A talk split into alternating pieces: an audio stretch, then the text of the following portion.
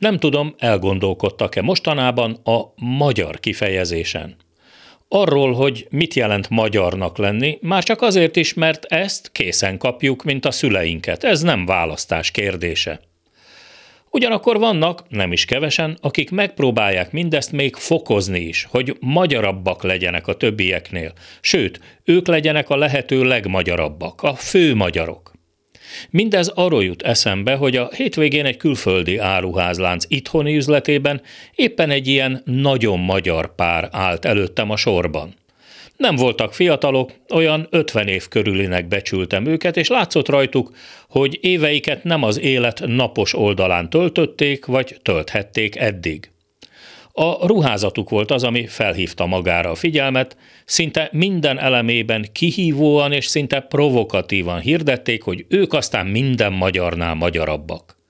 Mindketten erősen katonai stílusú ruházatban, a férfi nyakában rovás írásos szalagos kulcstartó. Fején a szinte kötelező nagy magyarországos hímzéssel díszített fekete simléderes sapka, katonai jackién valami 64 vármegyés pusztai betyár romantikával kivart embléma.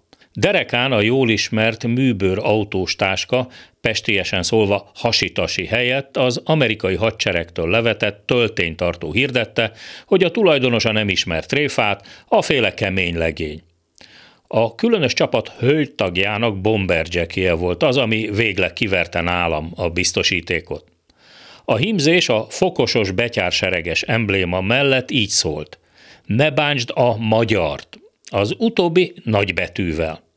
Elgondolkodtam, hogy vajon ez a különös, ősnyilas atmoszférájú páros Magyar Bálint szociológust vagy Magyar György ismert ügyvédet akarja-e megvédeni mert hogy nekik valóban kiár a nagybetű, hiszen a tulajdon nevükről van szó. Minden egyéb esetben, akár főnévként, akár melléknévként használjuk a mondatban, a magyar szót bizony kisbetűvel kell írni. Legalábbis a magyar helyesírás szabályai szerint. Angolul természetesen minden nép neve nagybetűs, ahogy németül is az. Ott ez a szabály, de nálunk, magyaroknál nem. Nálunk a kisbetű dukál, és én szeretném, ha legalább az édes anyanyelvünket nem bántanák ezek az önjelölt operett magyarságvédők. Az egyéb károkozásról nem is beszélve. Az esti gyors mikrofonjánál Hardi Mihály a hírek után azonnal kezdünk.